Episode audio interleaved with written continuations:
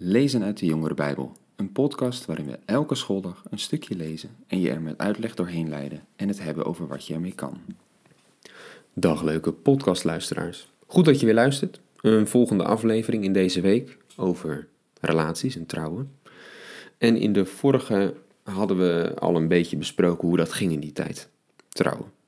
En daarin kwam ook al voor, hoe bijvoorbeeld bij Maria en Jozef, toen Maria zwanger was, Jozef haar wilde wegsturen met een scheidbrief. Dat is hoe dat in die tijd ging. Als je van elkaar ging scheiden, dan gaf je de man, de vrouw, een scheidbrief mee en dan zou zij weer terug moeten gaan naar haar eigen familie. Maar dat kon dus wel in die tijd, scheiden. Dat is niet alleen maar iets van deze tijd. Maar er was wel veel discussie over. Het was namelijk zo dat in het Oude Testament, in de wet, daar had Mozes al opgeschreven dat je van elkaar mocht scheiden. En daar staat zoiets bij als een man mag van zijn vrouw scheiden, mag zijn vrouw wegsturen, als hij iets onbehoorlijks aan haar vindt. Maar wat is dat precies? En je kan teruglezen dat ze daar discussies over hadden. Mag je al als een vrouw het eten laat aanbranden? Is dat iets onbehoorlijks? Mag je dan al van haar scheiden? Of als je het toch niet zo knap vindt? Of... dus dat is een beetje een vaag begrip. Wanneer mag je nou precies scheiden? Daar waren discussies over in die tijd. En ehm, de fariseeën komen op een gegeven moment naar Jezus toe om hem hierover te ondervragen. He, dus het is een, uh, een heet hangijzer in die tijd en ze denken misschien kunnen we aan Jezus een of andere gekke uitspraak ontlokken. Daar waren ze altijd op uit. Ze wilden, probeerden hem te strikken in iets wat hij zei. In Matthäus kunnen we ook dat weer lezen, in Matthäus hoofdstuk 19. Laten we maar eens kijken. Toen Jezus deze reden beëindigd had, verliet hij Galilea en ging hij langs de overkant van de Jordaan naar Judea. Grote massa's mensen volgden hem en hij genas hen ter plekke. Toen kwamen er fariseeën op hem af, om hem op de proef te stellen. Ze vroegen, mag een man zijn vrouw om willekeurig welke reden verstoten? dat was dus die discussie in die tijd. En hij zei, hebt u niet gelezen dat de schepper uh, de mens bij het begin mannelijk en vrouwelijk heeft gemaakt? En dat hij gezegd heeft, daarom zal een man zich loslaten van zijn vader en moeder en zich hechten aan zijn vrouw. En die twee zullen één lichaam zijn. Een tekst uit Genesis. Ze zijn dus niet langer twee, maar één. Wat God heeft verbonden mag een mens niet scheiden. Toen vroegen ze hem, waarom heeft Mozes dan voorgeschreven haar een scheidbrief te geven en haar zo te verstoten? Hij antwoordde, omdat u halstarrig bent. Daarom heeft Mozes u toegestaan uw vrouw te verstoten. Maar dat is niet vanaf het begin zo geweest. Ik zeg u dit, een man die om een andere reden dan ontucht zijn vrouw verstoot en met een ander trouwt, pleegt overspel. Hierop zeiden zijn leerlingen, als het met de verhouding tussen man en vrouw zo gesteld is, kun je maar beter niet trouwen. Dus ze komen naar Jezus toe met die vraag van ja, um, hoe zit dat nou? Hè? Wanneer mag je scheiden van je vrouw? En Jezus' antwoord is eigenlijk, het is eigenlijk helemaal nooit de bedoeling geweest dat je kan scheiden van je vrouw. En hij gaat terug naar het begin, naar hoe de mens gemaakt is. jullie kennen dat verhaal. Adam was gemaakt en op een gegeven moment zegt God: Het is niet goed dat een mens alleen is. En dan maakt hij een vrouw. En dan zegt hij: Ja, deze vrouw die is fantastisch, die vult mij aan. En als zij samenkomen, worden ze weer compleet. En dan is die tekst die zegt: Daarom zal een man zijn vader en moeder verlaten, zich hechten aan zijn vrouw en die twee zullen één zijn. En er zit dat hele mooie beeld in, wat trouwen eigenlijk inhoudt. We zijn op onszelf, ja, zijn we maar alleen. We missen wat. We missen wat in iemand anders.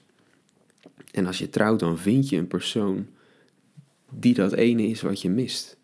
Je gaat elkaar aanvullen, je bent er voor elkaar.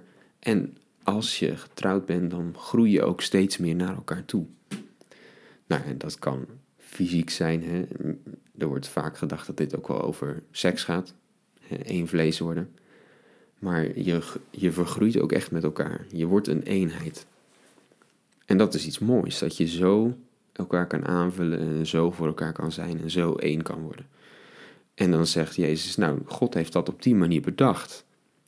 Omdat je niet alleen moet zijn, dat je samenkomt en, en echt een eenheid gaat vormen.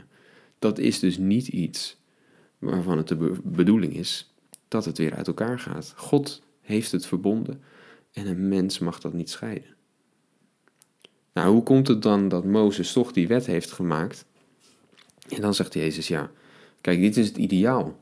Zo uh, was het bedoeld dat we bij elkaar zouden blijven. Maar het, om jullie halstarrige harten heeft Mozes dat geschreven. Eigenlijk dus, het, het is een ideaal, maar het is niet altijd mogelijk voor mensen om zo goed met elkaar te leven. Er zijn situaties waarin het gewoon niet meer gaat, waarin het gewoon niet meer gaat om met elkaar verder te leven. Omdat je zo beschadigd, je elkaar zo beschadigt omdat er zoveel tussen jullie in is gekomen. En dan eh, maakt Mozes dus uitzonderingen, maar dat is meer omdat de mens tekort schiet en niet zozeer omdat dat de bedoeling was. Dat is eigenlijk het verhaal dat Jezus hier ophoudt. Nou, en dan geeft hij uiteindelijk nog een praktische aanwijzing. Wat Jezus betreft is eigenlijk de enige goede reden om te scheiden als de ander vreemd gaat. Nou, daar staat ontucht. Ehm, dat is eigenlijk alle seks die ehm, niet geaccepteerd wordt door de maatschappij. Maar overspel is daar eh, wel het duidelijkste voorbeeld van. Ja, oké. Een interessante discussie. Jezus zegt eigenlijk ook een beetje hier, die fariseeën die zijn uit op, nou geef ons eens een paar regeltjes, geef ons eens een paar voorwaarden. Dan wel, dan niet. Dat willen ze eigenlijk weten. En Jezus laat eigenlijk zien dat het daar helemaal niet om gaat. Dat het niet gaat om wanneer wel, wanneer niet, om, de regeltjes. Wat is nou eigenlijk de waarde van een huwelijk? En daarom wijst hij ze op dat andere, op hoe het ideaal is. Hij geeft ze dus uiteindelijk wel een praktische regel, volgens hem eigenlijk alleen maar als de ander vreemd gaat. Ja, wat moeten wij daar nu mee? want dat is ook een vraag als je dit soort dingen over huwelijk leest, eigenlijk bij wel meer dingen in de Bijbel. Dat lijkt dan soms zo anders te gaan dan hoe we het nu gewend zijn in onze cultuur, 2000 jaar later. Moeten wij dan eigenlijk weer toch die regels gaan doen die bijvoorbeeld Jezus hier neerlegt? Zouden we inderdaad eigenlijk alleen maar moeten scheiden bij ons in de kerk als iemand vreemd gaat? Dat zijn lastige vragen, want soms lijkt het inderdaad alsof regeltjes in, het, in de Bijbel, in het Nieuwe Testament, best wel gaan over wat normaal was in die tijd. En dat dat iets is wat in onze tijd niet meer normaal is. En geldt dat dan nu nog? Dat, vind, dat is lastig te zeggen en ook in dit geval eh, lastig. We gaan niet bijvoorbeeld als iemand helaas in onze kerk scheidt, terwijl ze niet zijn vreemd gaan met elkaar, daar gaan we niet uh, een moeilijk verhaal van maken. Het is al zo triest dat het zover moet komen. Maar ik denk wel, wat we er sowieso in onze tijd uit mee kunnen nemen, hoe belangrijk en hoe mooi het huwelijk eigenlijk is. En dat je daar dus niet zo licht over moet denken. Want dat is natuurlijk wel iets wat kan gebeuren als scheiden zo makkelijk gaat. En steeds normaler wordt in onze tijd, omdat steeds meer mensen scheiden. Ja, wat betekent het huwelijk dan nog? Je kan het wel aangaan, maar je weet toch dat je er altijd weer onderuit kan. Nee, zo zou je dus niet moeten denken. En dat is iets wat, denk ik, altijd moet blijven gelden. het huwelijk is iets wat je aangaat waarin je echt een belofte doet. Het is iets waardevols. Je zegt echt er voor elkaar te zijn. En zo moet je het ook aangaan. en dat is ook hoe ik het met Nienke ervaar. Ik heb haar trouw beloofd. En ik zal er ook alles aan doen. Wat er ook gebeurt. Om bij haar te blijven tot de dood ons scheidt. En dat betekent dus ook dat als het moeilijk wordt. Ik niet zoiets heb van, nou weet je, ik kan toch altijd weglopen. Nee. Dat is juist het moment waarop ik moet terugdenken aan, ik heb haar trouw beloofd. Ik moet dus nog harder mijn best doen om hier wat van te maken.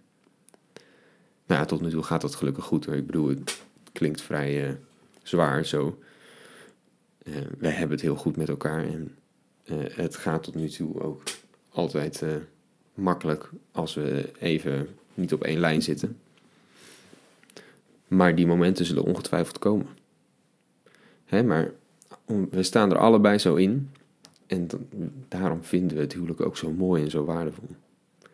En dat is misschien iets dus wat we kunnen, hieruit kunnen meenemen. Denk eh, niet te licht over huwelijk. Maar het hoeft ook niet een heel groot zwaar ding te zijn. Het is echt iets moois, iets wat God bedacht heeft. Hoe je bij elkaar kan horen. En juist omdat je elkaar trouw belooft en weet dat je op die ander kan bouwen, dat hij niet zomaar wegloopt, kan het zoveel groter en mooier worden. Ja, dus dat is ook wel echt iets wat ik jullie allemaal nog uh, van harte toewens. Nou ja, morgen gaan we naar een tekst van Paulus over het huwelijk.